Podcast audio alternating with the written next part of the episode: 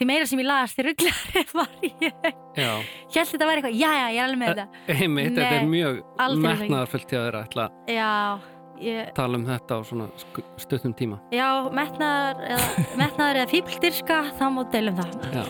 ok, þá byrjum við bara Yes.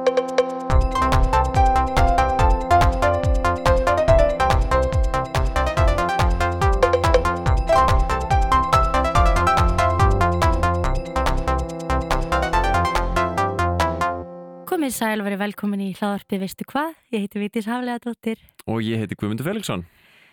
Jáp, þetta er hvað, 49. þátturinn sem við tökum upp Uh, já, og eins og áður þá tölum við um efni sem að við höfum svona 30% skilning á akkurat, og fáum svo einhvern í þáttin sem að veit meira við. algjörlega. Nema hvað, að það er eitt guðmundur að hafa 30% skilning á hljómsveitinni One Direction Uh og að hafa 30% skilning á einum umdalesta manni samtímans sem er Jordan Peterson. Já, þér finnst, þér finnst uh, hvað? Ertu hrætt við það að fara að tala um eitthvað sem þú veist ekki alveg um akkurat núna? Já, ég meina almennt er maður það því að maður vil ekki segja einhverja vittlausu Já. sérstaklega í útvarpi. Það er kannski aðeins saklusara að mismæla sig í þætti um emitt roller derby hana, hana og segja eitthvað vittlust ártali að nei, það eru sjö dómarar en ekki sex dómarar emmitt. en svo er þetta bara svona frekar viðkvæmt málefni. Já, já, já, þannig að ef þú meismælir þig þá farið allt internetið upp á mótið þér. Já, það gæti gæst, en ég vil náttúrulega taka því Já, af því að ég hef þá bara undirbúið mig betur. já, Ég bara, það er bara sko, þannig. þú valdir þetta umræðefni Ég sjálf. veit, ég valdi þetta umræðefni, svo sá ég eftir ok, allavega, fókus þetta. fókus. Við ætlum sagt að tala um Jordan Peterson í þætti dagsins. Já, og kannski rétt að minnast að það að Jordan Peterson er kannski frekar umræðefni í svona þáttaserju Ok, en ég ætla bara að gera mitt besta Já. og bara fólk hlustar þannig þátt með þeim fyrirvara ég er ekki sérfræðingur, nei. það sem ég segi hér er ekki algildur sannleikur Mm Og ég vil líka koma því að að við kannski reynum svolítið að forðast það að taka afstöðu sjálf eða veist við erum fræðslu þáttur við ætlum ekki að vera veist, mynd okkur skoðanir eða hvað? Nei, nei, ég er raunin bara búin að taka saman kannski, þú veist, bara við hefum aldrei þurft að setja svona marga fyrirvara. Nei, það er að þetta er svo margþætt. Já. og hérna, hvað ætlaði ég að segja? Já, þetta er flókið. Þú ert búin að taka saman eitthvað alltaf að segja? Já, ég er búin að taka saman frekar sko hvað upplýsingar finnum maður á netinu mm hvað, hvað ólíka rattir heyrast. Já, ég er ekki búin að sökva mér í þennan mann og er með sko einhver afgerandi afstöðu nei, ég er ekki einlega stuðningsmæður en ég er ekki hans helsti anstæðingur nei. Nei. en svona almenna upplýsingar Já. um Jordan Peterson þetta er kanadískur sálfræðingur Aha, og hann hefur hann vann sem aðstofaprófessor við sálfræðideild Harvard ok í þó nokkur ár, Já. 93-98 Mhm. þar til hann fekk svo fulla stöðu við háskólan í Toronto Ok, þar sem hann hefur verið að kenna þangað til hann tók sér pásu til að sinna öðrum erindum af því Aha. að hann hefur orðið nokkuð þekktur. mm Hann gaf út sína fyrstu bók árið 1999 sem ber titilinn Maps of Meaning, The Architecture of Belief og hafði víst unnið að henni í einhver 15 ár. það er ekkert annað Það er ekkert annað. Hann gaf svo út sína setni bók árið 2018 12 Rules for Life, An Antidote to Chaos sem var gefin út sama ár á íslensku í íslensku þýðingu Herdísar Hubner og Sigurlínu Davistóttur og hefur, hefur fengið titilinn 12, líf, 12 lífsreglur mótefni við glundróða.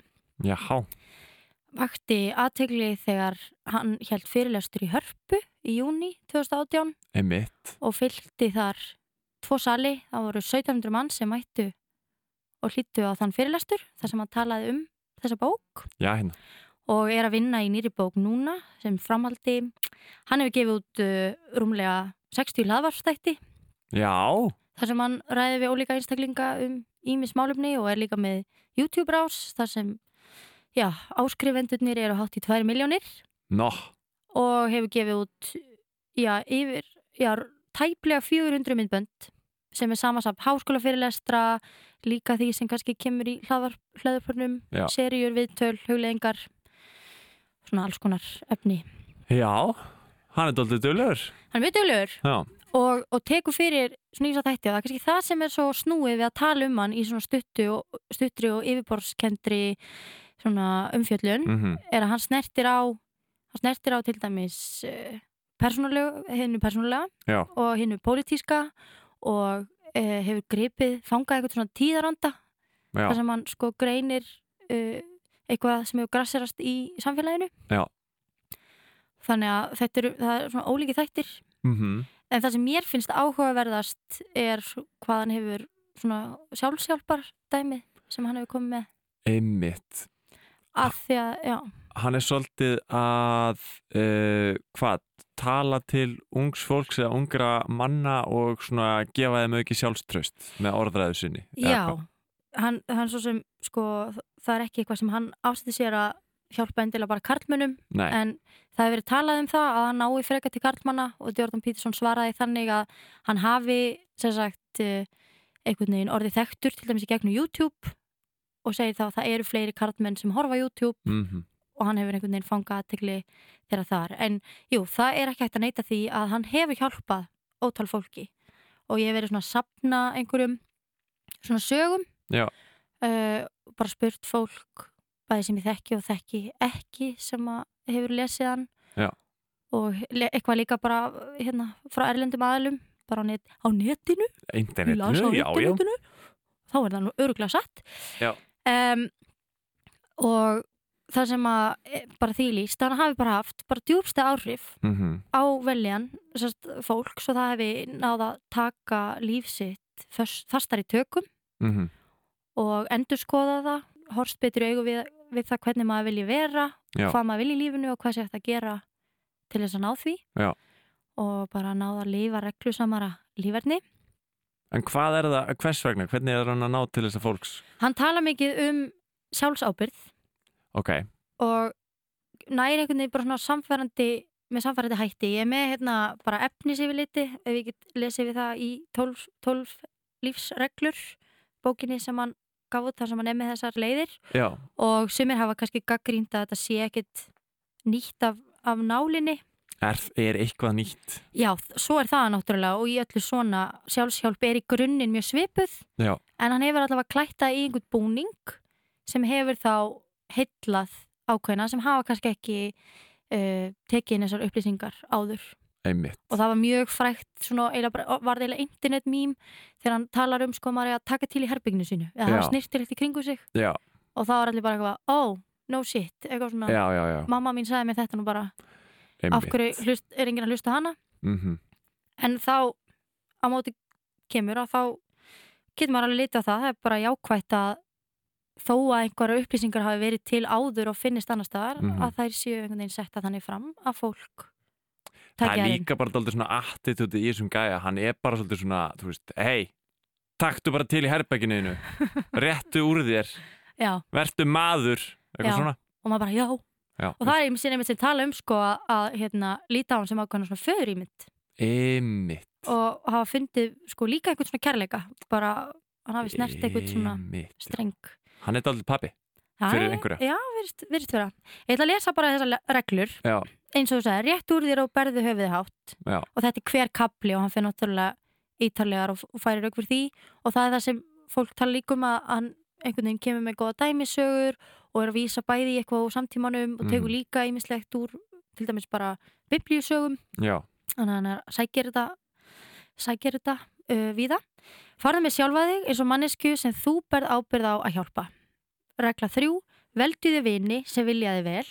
Regla fjögur, berðu þið saman við þann sem þú varst í gær en ekki einhvern annan eins og hann er í dag regla fimm, leiðu börnum þínum ekki að gera neitt sem veldu því að þér líkar ekki við þau regla sex, færðu heimilið til rauð reglu áður en þú gaggrínir heiminn taktu til í herberginuðinu. Einmitt, gjörðu það bara.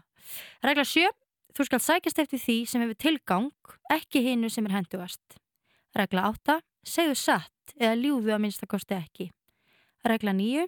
Gerðu ráð fyrir að sá sem þú hlustar á viti eitthvað sem þú veist ekki. Regla 10. Orðaðu hugsun þín á nákvæmni. Regla 11. Láttu börnin í friði þegar þau eru á hjólabretti. Regla 12. Klappaðu ketti sem verður á veiðinum.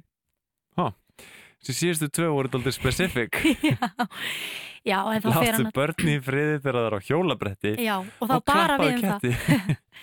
Nei, þá er hann líka að tala um sko, hann er náttúrulega Nei, hann er bara að tala um að láta börn vera þegar það er að hjálpa Já, en all, annars bara algjörlega potið. Já. Nei, einmitt, en hann svona gaggrínir ímislegt í samfélaginu og talar um einmitt þetta með hjólabrettin sko á þá við einhver svona ofverndun. Maður er ekki að ofvernda börni sín. Ok, já, Heldur- leifa þeim að bara þetta Já, er bara sko einhvern veginn ekki alveg vefjaði í bómulla því þá þurfaði hvort þið er að takast á við við heiminn. Mm -hmm. Og heimurinn er ekki í bómull Nei, það er rétt. En byrju, þannig að þetta er svona, svona sjálfsjálfar bók og líka bara eitthvað svona uppeldisfræði. Þú, þú var svolítið talað um börnin þín já, svona. já. Hann er hérna, já, það er svona snertir á einhver svoleiðis og Já. það tala um að, að þetta sé að fólk svona fólki finnst þetta aðdáðandur vel, vel gert og, og skrifað af dýft og einsægi Mm og já, og þetta er í rauninni sko, kjarnin í þessu er bara þetta að fólk líti inn á við og taki ábyrð á Já. einlífi og sé Já. ekki kenna öðrum um uh, það sem gengur ekki vel Akkurat. þannig að þetta er, þetta er svona eitt hluti Ég sko bara þekki þetta ekki mikið þennan mann en ég veit bara að umræðan hefur verið svo mikil í kringum þetta og það er bara fólk keppist um að hata eða elska þennan mann sko. Já, og maður sér bara, þú veist, maður þekkir hann bara út frá eitthvað svona, eitthvað svona stórum fullringum sem hann hefur verið með og þú veist, fólk keppist um að þú veist, túlka í aðra hver áttina einhvern veginn að hann sé algjör kvennhatari eða hann sé algjör snillingur. Einmitt, já, þetta er eitthvað svona viðhorf og sem veldur því líka þá kannski þeir sem eru hrifnir á honum kannski vera svolítið femnir að viðraða.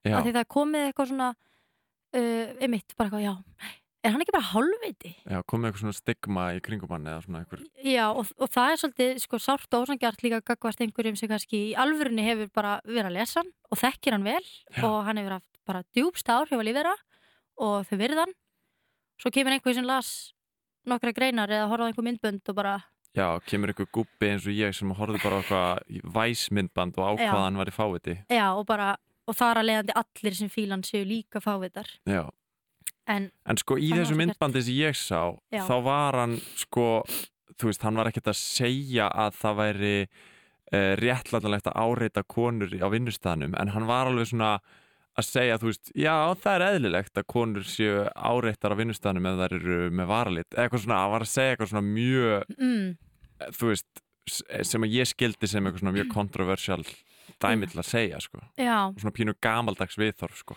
En það geti verið að já. það verið bara tekið úr samingi eða, eða ég hafi verið að miskila eitthvað, sko. Sko oft er þetta tekið svona nokkurn veginn úr samingi eða bara svona brot af því að hann byggir þetta á sko heldrætni kenningu Já, í rauninni. Og það er alveg rétt, sko hann, hann uh, talar um eðlislega mun á kynjónum einmitt. Og hafnar því að, að sko kyn sé sem sagt, uh, hvað segir maður, svona myndað af sam, samfélaginu. Já, einmitt hann, hann talar um bara kynin að það sé líffræðilegur munur á kynjónum og það er leiðandi eðlilegt að að karlar geri ákveðna hluti og konur fá ekki að gera aðra hluti eða þú veist, eitthvað Já, slegist sko, ekki meint, en sko eitt allavega sem var svona stórt mál á Já. netinu sem að fór mjög víða og það var þegar hann talaði um sko þetta með að karlmenn væri ekki ofbildisfullir þar sem engkvæni er og svo notaði hann orðið enforced. Já, og þá var það að tólka sko að það ætti bara að neyða fólk í hjónabandi og, og láta konur giftast körlum til að bjarga þeim. Já, um, þá er því svarað að það mætti þýða sko enforce sem það að framfylgja lögum en það líka það á líka við með eitthvað sem kannski knúi fram að samfélaginu. Já, þannig að þar sem einhvæni er að samfélaginu eða hefur þróast sem aðferð til að glíma við grundvallaverkefni mannsins sem að hann talar um þetta grundvallaverkefni og vísar þá einhver í kenningarinn á mannfræði og líffræðilega sálfræði að það er bendi til þess að sagt að þetta verkefni mannsins sé sko stjórnun eða skipulag á æxlun kvenna þannig að bara börnin börn degi ekki mhm, og árásan heit Karla. Svo allir degi og nú get ég ekki útskýrt þetta nákvæmlega þessa kenningu en hann tala svona um sko tvö öll ok, það heit Karlæga og það heit Kvenlæga. Já, og hann er ekkit svo eini sem tala um það það er hægt að finna þessar kenningar viða einmitt. En hann er þá sko í rauninni orðin hans voru þá frekar til að benda á að einhvernig drægi úr ofbeldisneið karlmanna sem sé byggt á því að karlmenn uh, verði til dæmis frústreð, frústreraðir þegar þeir eru ekki samkemnishæfir á markaði þess kynverðislega sem sem Pítursson bendir á að sko já, hann bendir á að þeir verði það að það þýðir ekkit endilega að þeir ættu að vera það. Þannig að hann er ekki að réttlæta, réttlæta tilvist þess Já, heldur benda á, á hana bara. Mm þannig að uh, já, þeir karlminn sem eru frúströraðir eigi það til að vera hættulegri sérstaklega þeir eru yngri. Og það þarf þá að stjórna þessari ógn á samfélagslega kerf, kerfisbundin hátt. -hmm. og eitt af því væri ef samfélög myndu hallast að einhverni, að það væri samfélagslega viðkent að já, einhvern veginn að það sé siðvenjan. Að, einhverni og það drægi úr ofbeldisneigð karlmenna. En hvað, og hvað, í, í hvernig samfélagi, eða, veist, hvað meinar, eða, veist, nei, það er einkvæni í okkar samfélagi, það er samfélagslega viðkjönd. Ertu að meina að fólk myndi bara giftast bara einum maka og bara alltaf eiga hann og ekki fara út á datingmarkaði neitt? En ég skil ekki hvernig þetta er, Mm, sko er hvernig þetta er öðruvísi en okkar samfélag. Já, ég held að það sé sko, ég hef svolítið erfið með að svara þessu við getum spurt viðmælandan okkar á eftir. Já. en þetta er ekki, þetta þýðir ekki að það er neyða fólk í hjónaband Nei, með valdi eða eitthvað svoleiðis.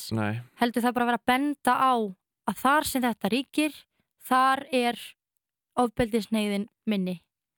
Þannig að hann er Ok. ekki komið eitthvað lausn eitthvað svona, herri, nú, skulu, nú er bara hérna propaganda í, á Íslandi giftið ykkur þegar við tvítug. Mm en svona, jú, það er svo sem alveg siðinja í, hjá okkur þannig séð en ég veit það ekki.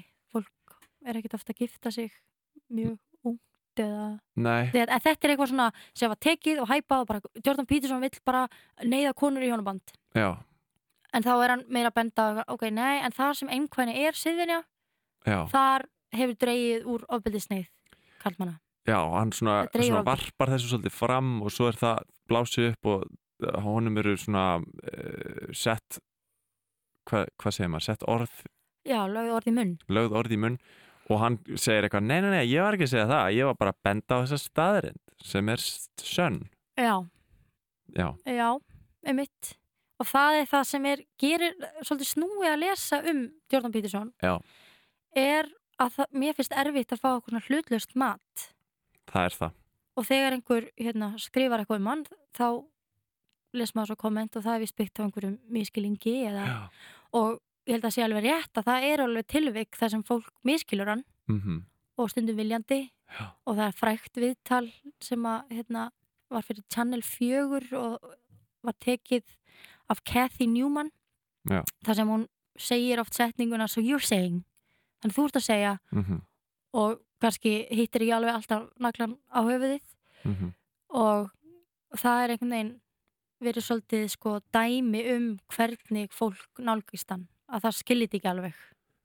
Og, og segi tólk eitthvað vitlaust. Já, sem er svolítið snúið fyrir svona utanakomandi aðila já. að reyna Reyna ég er bara að reyna að skilja þetta. En, en allavega ég, ég meina, mér finnst hérna, áhugavert að pæla í þessari sjálfshjálp Mhm. og bara mjög merkilegt að lesa það sem fólk hafa að segja. Já. Og alltaf í rauninni bara fallegt að sjá þegar fólk hefur einhvern veginn snúið lífi sínu við Mhm, en svo er hann líka með náttúrulega sína hugmyndafræði mhm, sem að líka svona kannski verið gagg, gaggrínt og, og það er svona hann, hefur, er, hann er í rauninni ötul talsmaður málfræðsins Já. sem að á sér ímsa hliðar þannig að hann hefur gaggrínt til dæmis Já. Og finnst, sérst, já, og talar um að PSI-ismi sko í rauninni drægi úr þessu málfrælsi Já. og sé hættuleg þróun. Já. og hann gaggrínir líka nótkunn í misa hugtaka á borðið eins og bara hvít forritindi uh, hann er almennt gaggrínin á ymsa greinar innan félagsvísinda. Já, eins og til dæmis félagsfræði eða kynjafræði.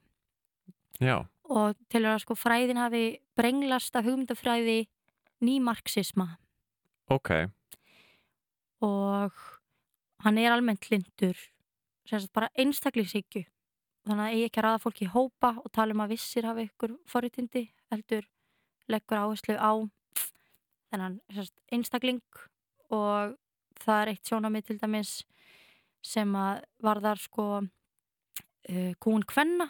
Já, og hann sem sagt hann telur að konur hafi ekki verið kúar kúaðri en karlmenn heldur hann tala frekar bara um kúun fólks og að kallar og konur hafi bæði þurft að glíma við alls konar í lífinu mm og haft sína byrði. Og svo hafi tæknilega framfarir komið fólki áfram. Uh, ok. þannig að sko já ekki þannig að karlar hafi kúa konur þó að viðkynni sko að það hafi tekið konur langan tíma að ná einhverjum borgarlegu réttindum.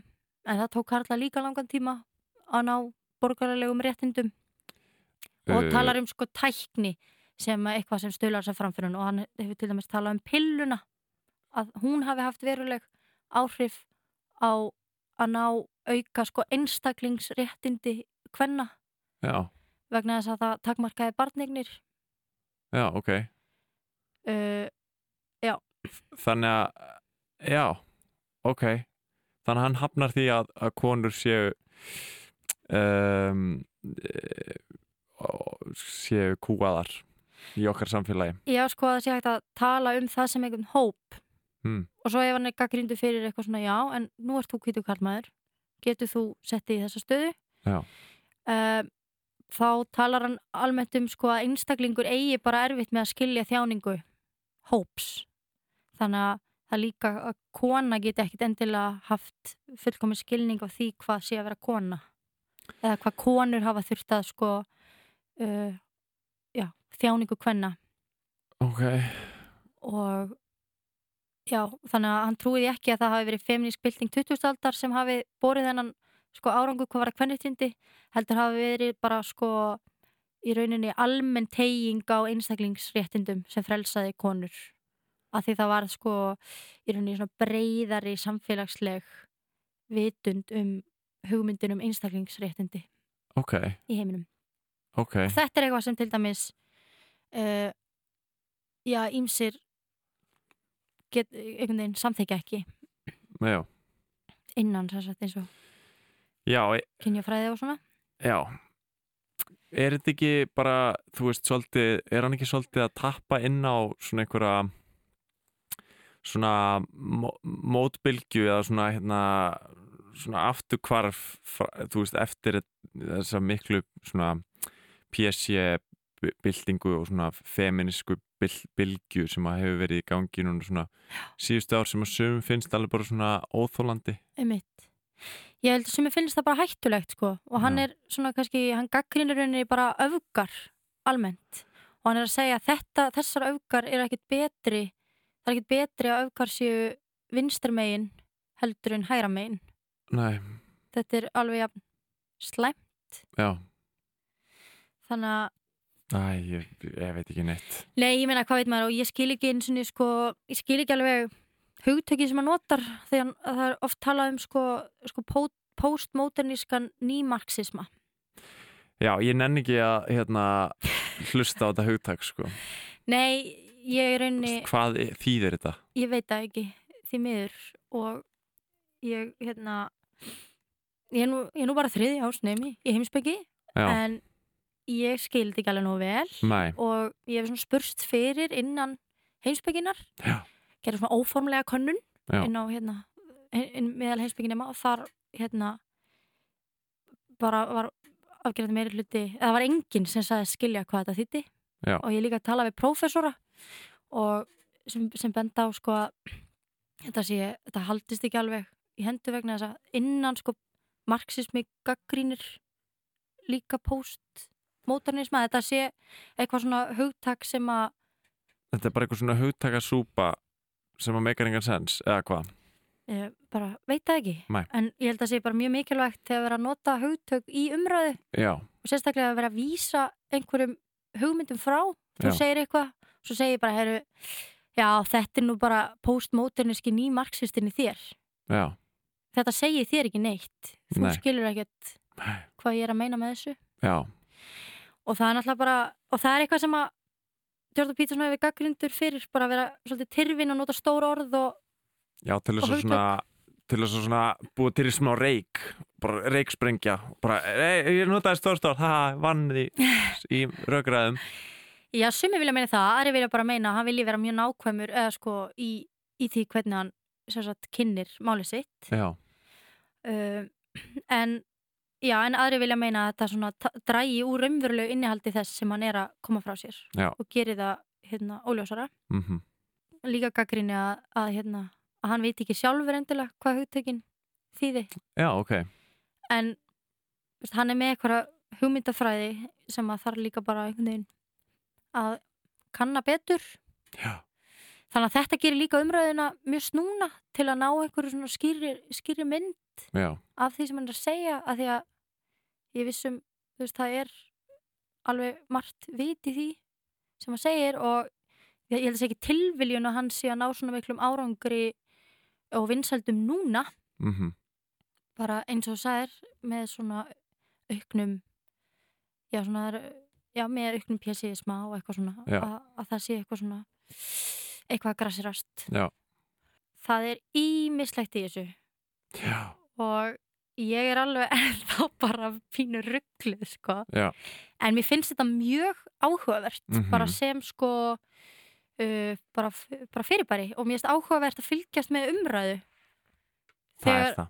sérstaklega sko þegar fólk er svona pínu þess og kruss og bara einhver að segja þetta og einhver að segja eitthvað allt annað. Já. og ég held að það væri sko flestum fyrir bestu ef það væri bara hægt að tala um Jordan Peterson án þess að það fari allt í sko án þess að segja bara eitthvað, hann er halvviti nei þú ert halvviti Já, eða, fólk tekur þessu svolítið persónulega sko, eins og þú sagðir hérna í byrjun að, að uh, hann hefur breytt lífi fullt af fólks. Mm, lífi fullt af fólks. Mm. lífi fólks, hann hefur breytt lífi fólks. Já, þannig að þú veist, að ráðast að þá hugmyndafræði er svolítið svona bara, svolítið persónulega árás sko. já og, svo og líka þetta sko að ráðast á eitthvað og hafa kannski ekki veist, og, og vera með rángfæslur að þið leiða einhverju með rángfæslu um eitthvað þá er bara einhvern veginn, mm, ég tek ekki marka þér.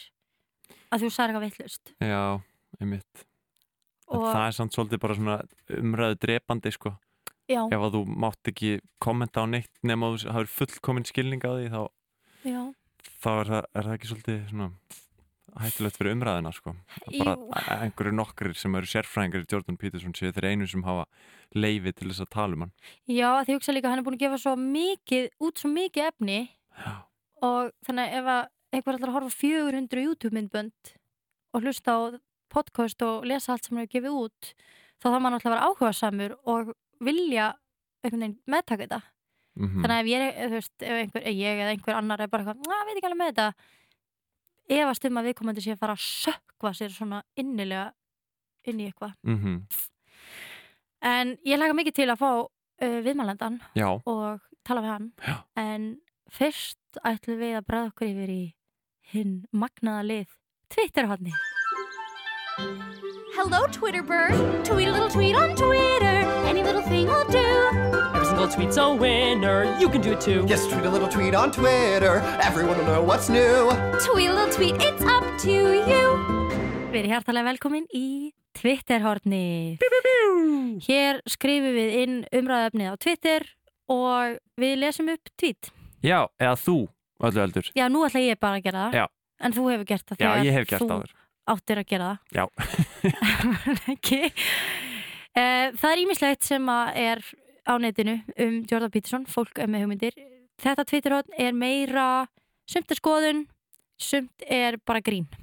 aha, ég er alltaf til í gott grín Eða að byrja á kannski einu gríni, hvað er með eitt gott grín, veitir? eða svona grín. Hér er eitt tweet sem að uh, Donna eða að Naglalakk tweetaði.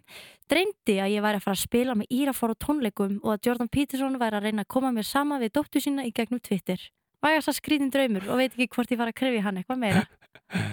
já, hvað ætlir þetta þýði? Já, það er spurning. stóra drömraðningabókin, allir hún sé með eitthvað Já, um þetta eitthvað svona samskipti gegnum Twitter. ef Jordan Peterson reynir að koma þér í samband með dóttu þá er eitthvað Velgengni á sviði, bla. Já, áhugavert. Já.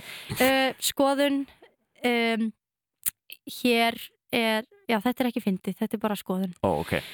Uh, þetta er þráður þar sem við verðum að tala um sko feminisma og vanlega ungar og drengja. Þetta var umræða sem átti sér stað fyrir einhverju hérna í nóvember. Úf, þú fær bara beint úr einhverju grímtvíti yfir í bara vanlega núngra drengja. Shit, Já, þetta er ok. svolítið stór stök, en við, svo erum við bara búið með það. Uh, síðasti í þræðinum, þetta er Elva Ágústóttir, Atti Elva Ágúst, hún er sálfræðikennari. Ég hef miklar ágjör af vanlega drengja og er feministi. Ég hef sami sjálfstyrkingabók, skrifa sjálfstyrkingabók sem ætlaði drengjum sérstaklega og er feministi. Ég hef lengi reynt að fá karmi með mér í lið, í vinnu, með börnum og er feministi. Kveðja frá þreytum og bögum feminista. Þetta var síðast innlegið.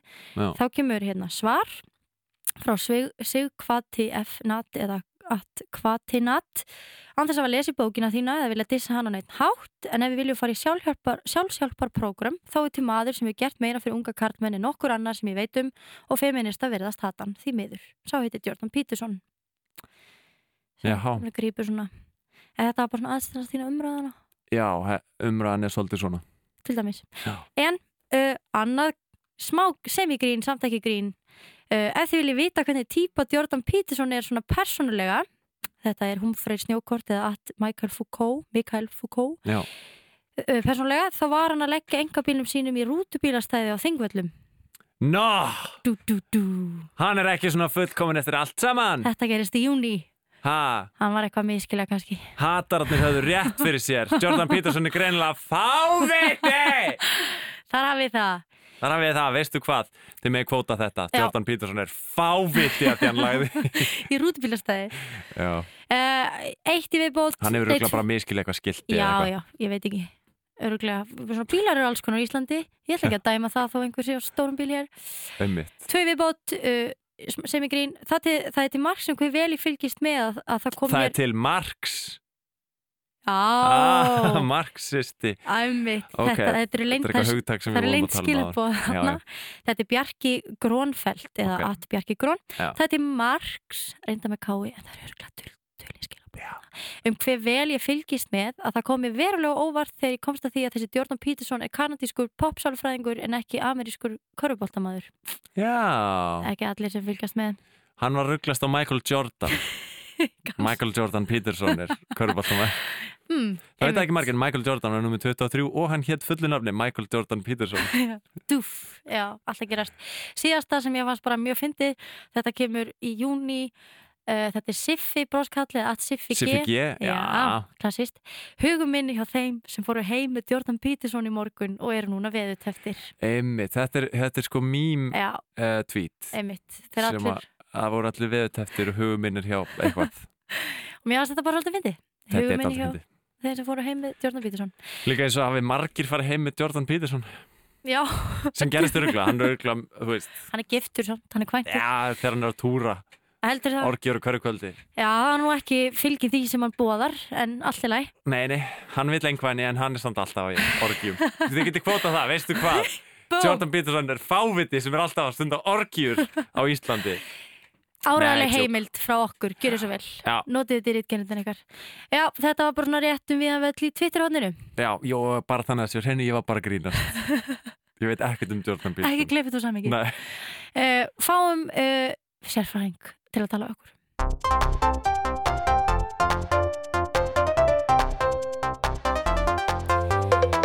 Þá erum við komið með viðmælanda sem að veit töluvert meira en ég um Jordan Peterson. Þetta er Gunnlaugur Jónsson sem er stjórnandi hóp sem heitir núna Jordan Peterson klúburinn á Facebook.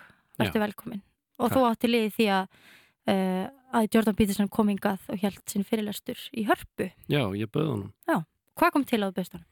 Um, ég datt inn á þetta efni einhverja hluta vegna í manninginu sinni hvernig fyrir löngu síðan og byrjaði að hlusta á svo fyrirlestra og hlustaði á þrjár fyrirlestra raðir með honum sem eru samtals meir en 100 klukkutímar af efni Mhm. um margvíslega hluti og mér þótti þetta magnað og upplýsandi mjög hjálplegt uh, fyrir mig sjálfan en líka líka svona relevant fyrir samfélagið í heild og um, þannig að þegar ég var búinn að fara yfir þetta allt saman þá hafði ég samband við hann og flýtti mér að gera það vegna þess að ég fann það einhvern veginn á mér að hann væri að verða frægari. Mm. og uh, náða bóka næstum því ár fram í tíman þá. Og svo í mittiltíðinni var hann stórfrægur. Og svo, það, hann hefði sennilega ekkert komið til Íslands á þessum tímapunkti í sínum ferli ef að ég hefði haft setna samband við hann Þannig að þú einhvern veginn fannst að það var eitthvað sem breytast í tíðarandanum eða hvað?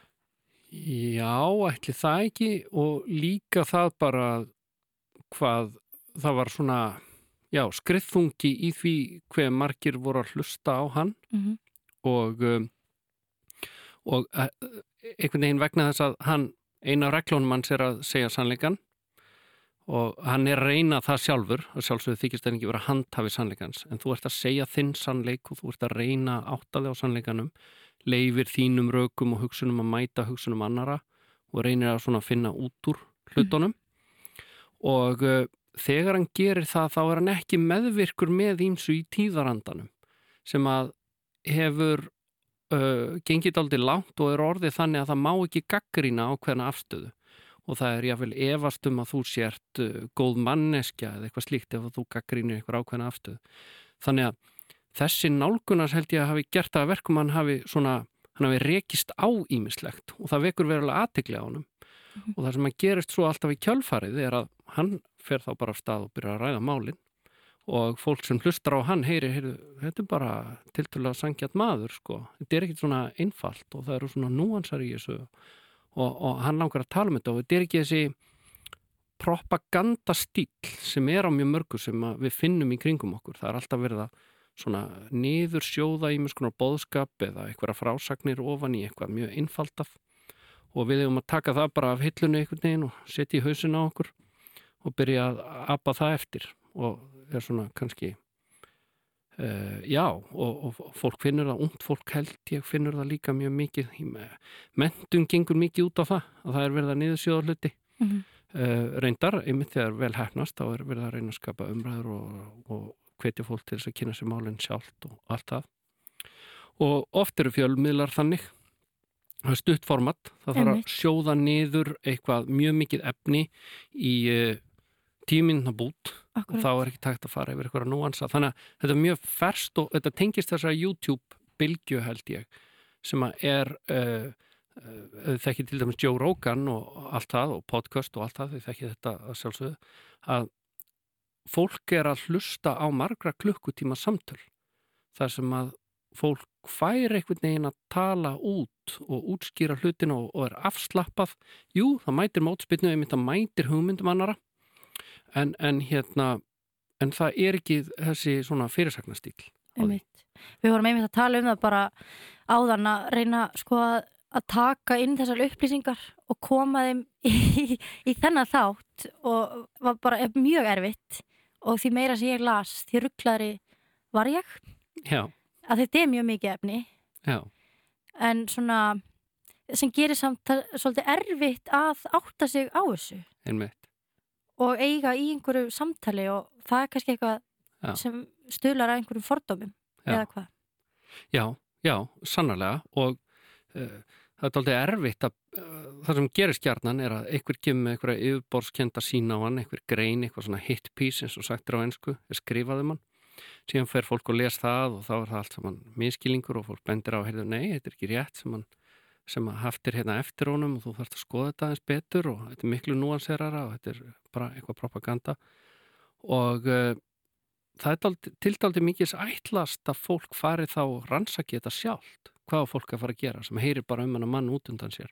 Og það að fara að hlusta á marga klukktíma að einhverju efni Mhm. það er dálítið óþægilegt að gera þá kröfu uh, til fólks. Uh, sem er gera það og þeir sem gera það þeir koma yfirleitt tilbaka og, segja heyrðu, já, þetta var nú ekki alveg sangjant og, og ég reyndar eh, þekki engin dæmi um annað en að fólk hafi komist að þeirri neðustu uh, þannig að já, þetta er svona. En síðan er þetta líka svo margt. Hann er að tala um, eitt sem er mjög heitlandi við hann er þegar hann byrjar að tala um sögur Já. góðsagnir, Disneymyndir og fleiri hluti og hvers vegna þetta tala svo mikið til okkar. Mhm. hún er að tala um sálfræðina og bakvið það hvað það er og, og kennir okkur ímislegt um okkur sjálf og maður byrjar að sjá alls konar sögur sem að maður kannski hefur hort á frá, frá því að maður var bann uh, og, og maður, maður sér það í nýju ljósi.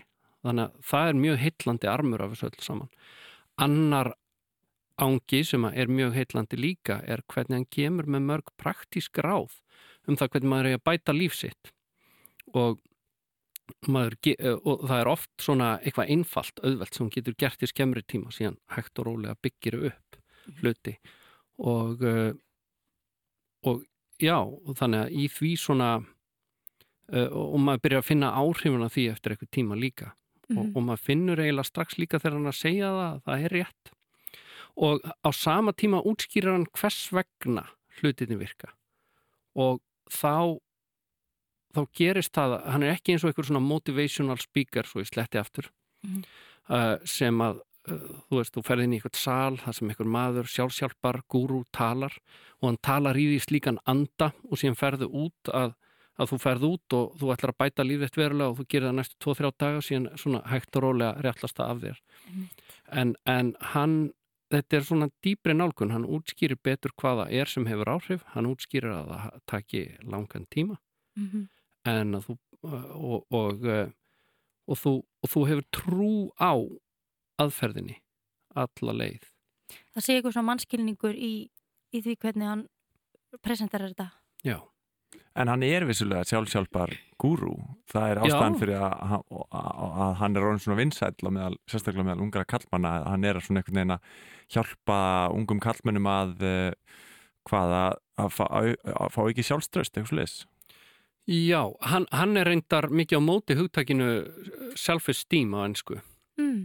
Og hann segir þú átt ekki að fá eitthvað self-esteem fyrst eða, eða hátt sjálfsmat heldur átt að byrja að byggja þau upp og verða betri manneskja þá getur þú fengið hátt sjálfsmat Mm eftir að þú ert búin að gera það Eða bara vinnar það inn. Já, þeir eru búin að vinna þér það inn. Já. Þannig að ját, játaðu og viðurkendu stöðuna eins og hún er, byrjaði að bæta því hægt og rólega og þá kemur þetta náttúrulega, þessi, þessi sjálfsmats hluti á þessu. Þannig að hann hefur pínlítið verið á móti þessu sjálfsmatstali. Er þetta eins og við vorum að tala um að hérna, rétt úr þér og taktu til í herbygginu og svona einfaldi hlutir Já, já, sem að fólk á að gera? já.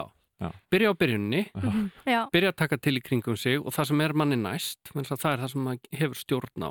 Og hægt og rólega hefur maður stjórn út í svona, já, víðar ring í kringum sig og getur gert fleiri og fleiri hluti. Og hann talar mjög mikið um í þessu samingi jafnvægi á milli óreiðu og, og uh, svona reglu. Já, þetta order. Já, Já. Og, og hérna sem á nú, á nú einhverju leiti líka rætur í, í svona gamalli heimsbyggi og talar um að það sé mjög mikilvægt að maður hafi jafnvægi þar á milli og ma mann líður oft illa þegar hlutinir eru of miklu og mikilli óreglu sem mun algengara en að hlutinir séu mikilli reglu en fólki líður líka illa undan því fólk upplifir harstjórn þegar, þegar reglan er of mikil þannig að það sem hún gerir þegar þú tekur til til dæmis í herbygginuðinu er að þú kemur reglu í kringum þig hlutinir hafa tilhengt þess að fara í óreglu ef þú gerir ekki neitt og, og þannig að þú kemur upp reglunni sem er nöðsynlegur komponent og þú býður síðan óreglunni inn á svona skapandi hátt og þannig býður kreativiti uh, þar að segja sköpunar sköpunni inn í líf þitt og, og, og þannig finnur þannig er auðveldra að finna jafnvægi á milli reglu og óreglu og líða vel með það sem maður er að gera Einmitt. Hann hefur nú sagt að, að hans helsti tilgangu sé að hjálpa bara einstaklingum til að lifa afkasta meira og merkingabæra lífi. Já. og ég sætt á samlindi við samfélagið og fjölskyldu sína. Og, og ég held að mörgum finnist það gott og gilt en að því hann hefur snert á svo við, sko, viðtækum þáttum og hann er líka einhvern veginn pólitískur og þannig að ef maður er ekki sammála kannski einhverju pólitík finnst þér það einhvern veginn láta fólk bara taka hann út af borðinu? Uh, einhvern veginn, bara ekki taka mark Al- af neinu sem Alls ekki alltaf. Nei, já, hjá sumum er það þannig. Já. Að það finnur eitthvað eitt punkt, er ósamála honum og uh, gefur ekki meiri séns og ég skil það alveg. Um, maður þarf einhvern veginn, það fylgtir allt sem kemur til manns. Það er svo margt sem að maður sér út undan sér á samfélagsmiðlum og annar staðar og maður kynna sér allt. Maður getur það ekki, maður hefur ekki tíma til þess, maður þarf einhvern veginn að forgansvæða. Þannig að maður, þannig ég skil það vel að, að þá ekki djúft í hana fyrir að rekast á eitthvað sem þeir eru ósamála en ég þekki mjög marga eins og til dæmis er í þessum Facebook-kópi Jordan Peterson klúburinn Já. sem eru pólitíst um, skulum við segja mikið til ósamála honum, eða einhverja liti ósamálunum en uh, af því að Jordan Peterson hallast kannski svona frekar til hægri þó að mig lýsa hann líka sem miðjumanni og þá eru vinstrimenn í hópnum sem að fíla hann mjög vel Mhm. og uh, hann er líka svona hluti af neti fólks uh, svona hugsuða sem eru á til, til dæmis ábyrjandi á YouTube. Og uh, þar eru menn sem eru mjög miklir vinstri menn og, og hann talar mikið við og, og þeim finnst mjög gaman að bera miklu virðingu hver fyrir öðrum. Uh, til dæmis eitt sem að heitir um, Brett Weinstein sem er mikil stuðningsmaður Bernie Sanders sem er nú allt annar kapituli, allt annar handleikur um, þannig að þannig að það er hann getur verið mjög gaglegur og getur verið gott að hlusta á hann. Ég, ég hlusta til dæmis, ég, það vil svo til að ég er tiltölulega sammálunum í pólitík en ég hlusta líka á aðra hugsuð sem ég er ósamála, ég er mjög ósamála Slavoj Zizek, svo dæmis ég tekið. Mm. en mér er frábært oft að hlusta á hann. Mér finnst það svo gaman. Þannig að ég, ég gaman að því að hlusta á fólk sem kemur með eitthvað sem að auðgar mína eigin hugsun, kemur Mhm. ekkert neginn þvert á það. og maður, maður á ekki verið það mikill vörn að maður, maður uh, vil ekki hlusta á nýsjónum með Nei, en ég talandi um vörn, þá held ég samt að að ímsir eins og ég hef tekið eftir bara við að reyna að lesa mig til að það séu margir í vörn sko báðu megin, bæði sko diggir Jordan Peterson aðdáðundur og þeir sem eru kannski fulltrúar til dæmis feministar Já, að hérna það er eins og þetta sé ekki hægt einhvern veginn að fara í saman. Eða ég hugsa þó hann sé að bóða þetta þá virðast vera ýmsir aðdáðundur sem að samt virðast vera í vörn. Já, já, og geta ekki samþygt já. Vörnin er kannski ákveð hugarástand þar sem þú býður ekki inn rauksendum um, og um, þú þarft að geta bóðið rauksendunum inn en þú á sama tíma átt ekki den til að acceptera þær. Þannig að þannig að þú átt að hleypa fólki að þér með hugmyndir og rauksendir og vera þá tilbúin. Eh, og það er líka allt í lagi að vera ósamála þú getur verið ósamála þótt að þú sért ekki vörn. Þannig að þetta er pínlítið svona núansera hugtak vörn eins og ég er að nota það. En þannig að en máli er það að eðlilega hafa stuðningsmennans kynnt sér hann miklu betur heldur en þeir sem eru á mótónum fólki sem eru á mótónum nennir ekkert að lusta á 100-200 klukktíma af efni Einmitt. þannig að þeir eru þeir standa mun betur í röggræðum um hann og yfirleitt er þetta þannig að það er eitthvað ránkvömyndir sem er slengt fram um hann og síðan er verið að svara því og jú, það má kannski kalla það vörn í einhverjum skilningi en það er ekki endilega að því fylgi þetta hugarfar að, að vera ekki, tilbú, vera ekki opinn fyrir rauksendum. Þess að ég til dæmis myndi gaggrínan með ímislegt sem hann segir og það er allt saman í góðu lagi, það er allt Mhm. saman bara uh, kærleiksrík samskipti við mannesku sem hún ber virðingu fyrir. Það sem þú útskýrir hvað er, ó- hver, hverju þú ert ósamála og hún svarar. Þannig að það er allt saman í góðu lagi og ég held að það sitt aldrei í hans anda. einmitt. Hann langar að eiga þannig samræður og hann á oft þannig samræður við fólk sem er ósamálunum. Já. Við vorum eitthvað svona að tala um þetta áðan hvort að, að þetta væri eitthvað svona stundum er þið persónulegt uh, gaggrinni þá að því að hann hefur haft svo mikil áhrif á fólk og svo kemur einmitt einhver og segir bara já, Jordan Peterson, er hann ekki halvviti eða? Já, já, já, já, já. Einmitt. Já, það getur stungið að heyra eitthvað svoleiðis ef að fólk, en fólk verður náttúrulega að, að taka raugræðunar. Þú heyrir náttúrulega um leið og einhver segir eitthvað svoleiðis að það getur nú valla verið mikið á bakviða og Mm. það, það er nú þá önnur ástæða fyrir að taka það ekki óvalvarlega. Mm. En ég, man, maður hefur nú heyrt bara svona alls konar gaggrinir rættir um Jordan Peterson um að að hann sé kannski svolítið, hann, hann er á móti hugmyndafræði feminismans í fyrsta lagi, eða ekki? Um, hann er á móti um, hugmyndafræði sem að mikið hefur verið tengt við feminisma í setni tíð sem að er hugmyndin um það að uh, flest allur munurinn sem að er, er sjáanlegur á kynjónum sé afleðing félagsmótunar og uh, þannig að honum svona, hann hefur lent upp á kant við, við þá sem að segja að, félagsmótun sé aðal ástæðan fyrir muni á milli kynjana Og sem er þá, hvað, sem þýðir þá að hann eh, hafnar hugmyndin um feðraveldi eða að, að konur séu óæðri vegna bara hvar, þess hvað þau standa í, í samfélaginu? Uh, já, hann hafnar því að konur séu og aðri. Um, hann, hann myndi setja, gera verulegar aðtúasendur við það hvernig hugtæki feðraveldi er notað og slengt fram Mm -hmm. um allskinn sluti.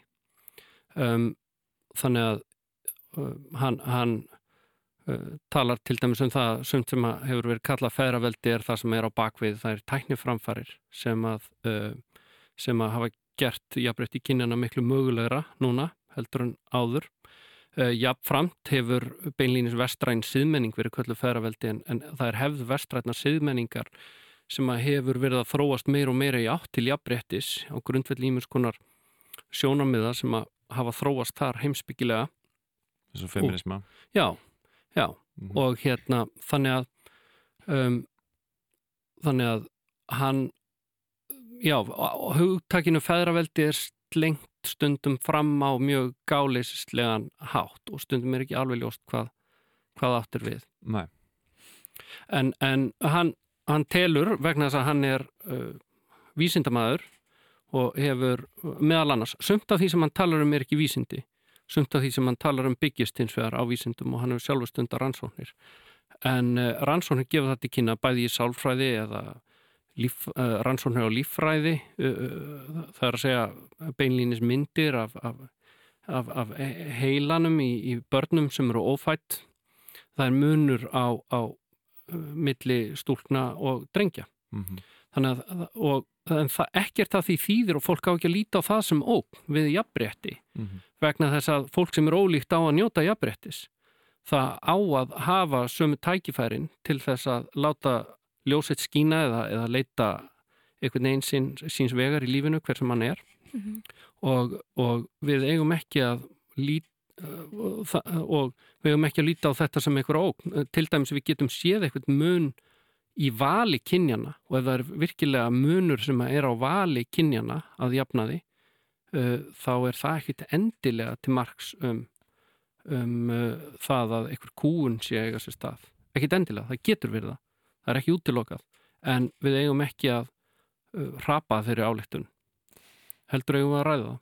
Já, en þetta er, samt, þetta er svona snúivarandi sko, félagsvísindi að því hann er gaggrinin í garð ímið sem fælst undir það uh, vegna þess að félagsvísindi er náttúrulega, þetta er ekki raunvísindi en það er samt verið að beita vísindilegum aðferðum og vera að rannsaka og það eru hundrað þúsund ólíkar kenningar innan félagsvísinda og, og líka bara innan feminisma eru ótal kenningar og það er ekki allir feminismi hafnar ekki endilega þessi eðlislegu munur. Um, en ég fór bara að hugsa því ég var að, ég var að lesa mig til að því hann er líka með kenningar. Já. ekki satt? Þetta er ekki allt, jú, sumt vísar hann í, í sálfræðina. Já. en eins og Já, það er ekki hann er, allt hann er með vísindi. kenningar á mismunandi levelum. Sumt er nefnilega mjög vel byggt á vísindum en annað eru svona hugleðingar meira í ætt við heimsbyggi og, og visku. Mm, og það, einmitt, það er, það, er, það er oft svona það getur leitt til rökgræðina ég sé stundum fólk ráðast á hann fyrir einhverjar hugleðingar sem að hann til að vera góð ráð í lífinu sem hann byggir á reynslu og því hann er búin að vinna með fjölda skjólstæðinga sem klíniskur sálfræðingur líka hefur reynslu á því Mhm. og er að miðla þeirri reynslu og það er ekkit vísindalegt við það uh, í mörgum tilvikum. Þar að segja að hann er að uh, þó að oft sé vísindaleg tenging og það tengist inn í einhver svona hugsun sem byggist á sem er með svona einhverja vísindalega fasta punta sem hafa verið testaðir skiljiði. Að það, það er, þú er kannski með eitthvað svona hugmyndakerfi þar sem að þú er búin að testa hluta af hugmyndakerfinu en síðan er það þannig að við vitum ekkert allt og við erum út í lífinu og við erum stöðut að takast á við lífi og við erum stöðut að læra. Og mikið af þeim lærdómi uppfyllir ekki ströngustu kröfur vísindalega rannsókna. Og þú tvinnar þetta saman náttúrulega þegar þú ert að reyna að takast á við lífi og koma með góð ráð til já, sjálfsþín og eða annara þannig að ég hef séð það að fólk hafi tekið eitthvað sem hann hefur sagt og sagt, heyrðu þetta byggist ekki á, á vísindum. En það átti ekki að byggjast á vísindum. Það átti allt sem við segjum að byggjast á vísindum. Mm. Það er kannski ruggla fólk líka hvað hann stendur fyrir, þú veist, er hann vísindamaður? Er hann svona þú veist, Er hann bara að varpa fram pælingum? Já, og kannski veist, hvort er hvað og, og maður þarf að greina á milli og, og fyrir utan að komandi aðila maður heyri bara eitthvað og, og, og maður er ekki búin að lesa hérna með tilvísanir í þessa rannsókn eða eitthvað svona. Já. og þá er erfitt að fatta hvað er Það er yfirleitt hann ljóst og ljóst af samhenginu og hann er yfirleitt að tala um rannsóknir þegar hann er að tala um vísindalega hluti og vísar hann til rannsókna mm. En hvernig finnst þér svona forvitin, kannski aðra með hættum eh, svona viðhár gagvart þessum eins og til dæmis Jordan Peterson á klubnum eða var hann gagvart aðdáðandum hans? Já, mér finnst það yfirleitt bara mjög gott. Eh, Það sem að sem þetta sýnir manni er að umræður sem að verða stundum á netinu, ég held að það er síni ekki hvernig fólk er almennt að hugsa. Um, fólk, já, það eru kannski ákveðna típur sem tjá sig meira á netinu heldur en aðrir Mhm. og uh, þannig að samfélagsmiðlar eru búin að draga fram í minn umræður sem að sem, og, og, og já, svona vinkla í umræðum sem að hefðu ekki verið jafn háværir e, í, í gamla kerfinu. Ég er ekki að segja að það sé neitt verra en e, það hefur sína galla samt. Þannig að maður, maður má ekki fara á límingunum við það að sjá að, að stundum verið netteimar loga út af einhverju. Þess að Það er venjulegt fólk logar ekkert endilega. Mm. Þannig að fólk er mun opnara fyrir því að heyra til dæmis það sem Jordan Peterson hefur að segja heldur en stundum manni sýnist. Áhugavert. Þetta er bara, við kveitum bara fólk til að kynna sér málið sjálf, er það ekki það sem hann er að bóða? Vera bara gaggrinnin Já, alveg, klárlega. og ert þú með eitthvað ráð fyrir þá sem eru forvitnir? Um, það getur verið gaman að taka einhver viðtöl til dæmis sem viðtölunans hjá Joe Rogan eru skemmtileg. Mm Um, Joe Rogan hefur sagt það að þetta séu uppáhalds viðtölunans frá upphafi. Um, það er svona ágætis kynning í margt. Síðan er gaman líka að horfa á svona YouTube klippur af hinn og þessu sem hefur verið klippt út. Það er Mhm. að fá í svona mátulegum skömmtum. maður þarf ekki að horfa á mála. 200 klukkutíma af Nei, fyrirlestrarröðum. Nei, nei. En svo getur við byrjað, það eru tveir, tvær fyrirlestraræðir sem eru teknar upp í skólastofum í, í háskólum í Toronto. Um, önnur er um, um, um persónuleika og um, uh, eins og persónuleika flokkunna sem að er The Big Five kallað á er að segja hérna uh, samviskusemi uh, á ensku openness, uh, extraversion og uh, agreeableness, hversu svona, já, ef maður er of agreeable til dæmis þá er maður meðvirkur, ef maður er disagreeable þá er maður mjög svona óendislega manneskja. Og það, það síðasta er uh, neuroticism og, og þetta, hann talar semst út frá þessum vítum per, um persónuleika og það er mjög markaglegt í tengslu við það. Og það er að taka þessi próf líka á netinu og sjá hvað, hvernig maður er í mismunandi vítum og Já. og hvernig, hvernig fólk með mismunandi persónleika tekst á við lífið á mismunandi hátt og svona. Er, það, það er til dæmis mjög heillandi seri að, að ho- horfa á eða hlusta á. Og önnur hinn er um uh, hún heitir Maps of Meaning eða kortlagning merkingar sem er bókin hans. Já, bó, já fyr- fyrri bókin hans heitir það líka. Mhm. og þar er hann að tala til dæmis um sögur og, og uh, merkingu sagna og, og hvers vegna það er höfða svona mikið til okkar. Mm, Þetta er margþætt Já, Við kveitum bara fólk til að kynna sér þetta á sínum eigin fórsendum og vera gaggrinnið Er það ekki alltaf Sannarlega. Já. Kæra þakki Gunnar Jónsson fyrir komuna í veistu hvað